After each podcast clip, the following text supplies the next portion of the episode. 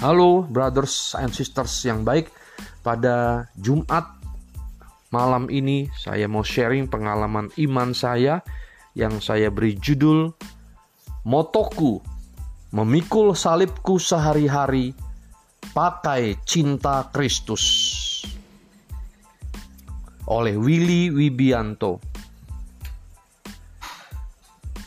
Maka Yesus memanggil seorang anak kecil dan menempatkannya di tengah-tengah mereka, lalu berkata, "Aku berkata kepadamu, sesungguhnya jika kamu tidak bertobat dan menjadi seperti anak kecil ini, kamu tidak akan masuk ke dalam kerajaan sorga."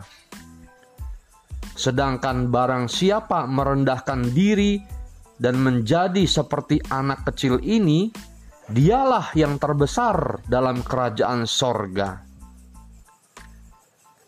Matius 18 ayat 2 sampai dengan 4. Konteks bacaan rohani Jumat 1 Oktober 2021 adalah Yesus yang dimuliakan di atas gunung, ia kembali memperkenalkan diri sebagai anak manusia yang menuju ke Yerusalem untuk diserahkan oleh Bapa ke dalam kuasa manusia.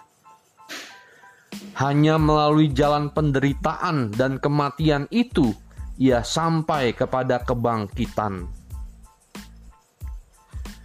Siapa yang terbesar di antara mereka? Murid-murid itu sesungguhnya tidak beda dengan ahli-ahli Taurat yang mencari tempat terdepan dalam rumah ibadat dan tempat terhormat pada meja perjamuan. Hasrat murid-murid masih mirip dengan nafsu para pemimpin Yahudi akan kekuasaan dan penghormatan. Alangkah tajamnya kontras antara hasrat murid-murid dan tugas yang sedang dijalankan Yesus ia mengajak murid-murid untuk mencari ranking dalam hal menjadi pelayan yang paling dina. Dengan memeluk seorang anak kecil, Yesus memberi contoh yang mengharukan bagaimana mesti menjadi yang terakhir dan pelayan dari semua. Perlu disadari bahwa di dunia kuno Seorang anak kecil umumnya kurang diberi tempat dan diperhitungkan. Anak kecil ini mewakili semua orang kecil yang tidak dipandang dan dihargai dalam masyarakat atau jemaat.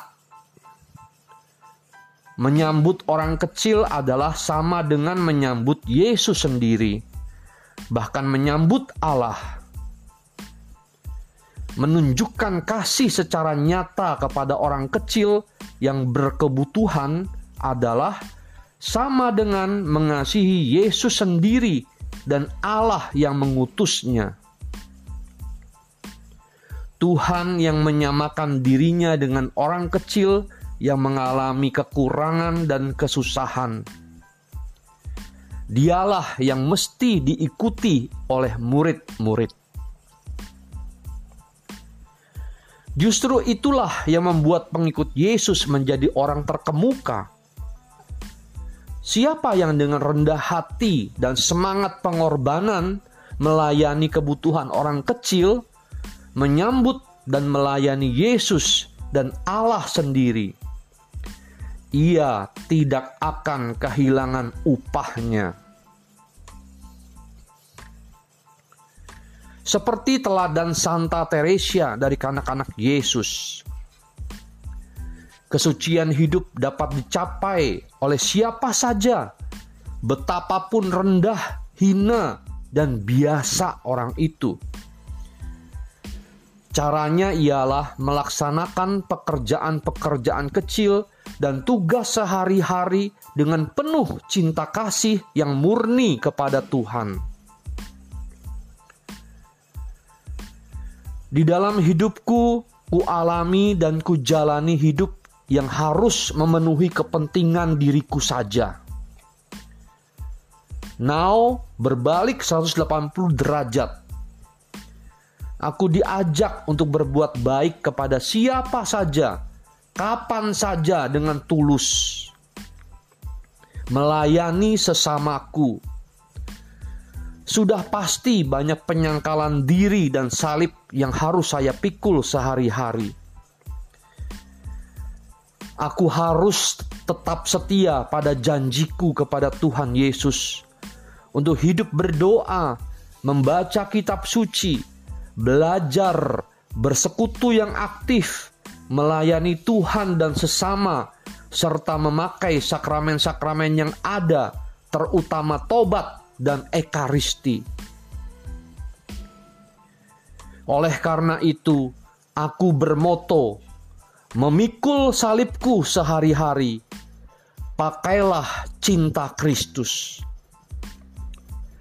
Karena aku tidak kuat sendiri, aku harus memakai cinta Kristus agar aku dapat menyelesaikannya. Marilah berdoa. Ya Tuhan Yesus, pada Jumat yang indah ini, aku diajak untuk menjadi anak kecil dan seperti anak kecil, bukan yang kekanak-kanakan, tapi yang rendah hati dan siap menjadi pelayan bagi semua yang kecil, hina, dina sekalipun. Tidak mudah itu, Tuhan Yesus. Namun, cintamulah yang menguatkan hatiku oleh karena itu, engkau menginginkan aku tetap setia dan tertib akan janjiku kepadamu, Tuhan Yesus, untuk hidup suci dan kudus. Terima kasih, Tuhan Yesus. Amin.